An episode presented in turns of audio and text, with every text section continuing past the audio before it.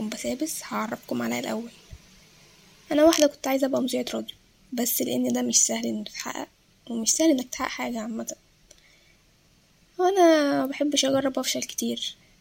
يعني عبط مني مش صح بس عشان المصداقية والصدق والكلام الكبير ده. أنا كان ليا تجربة واحدة مش هتكلم عليها دلوقتي بس أحب أطمنكم. إنها فشلت فشل ذريع. حبيت بقى أجيلكوا وأفشل على القاعد وأجرب البودكاست. منورين يا جماعة والله.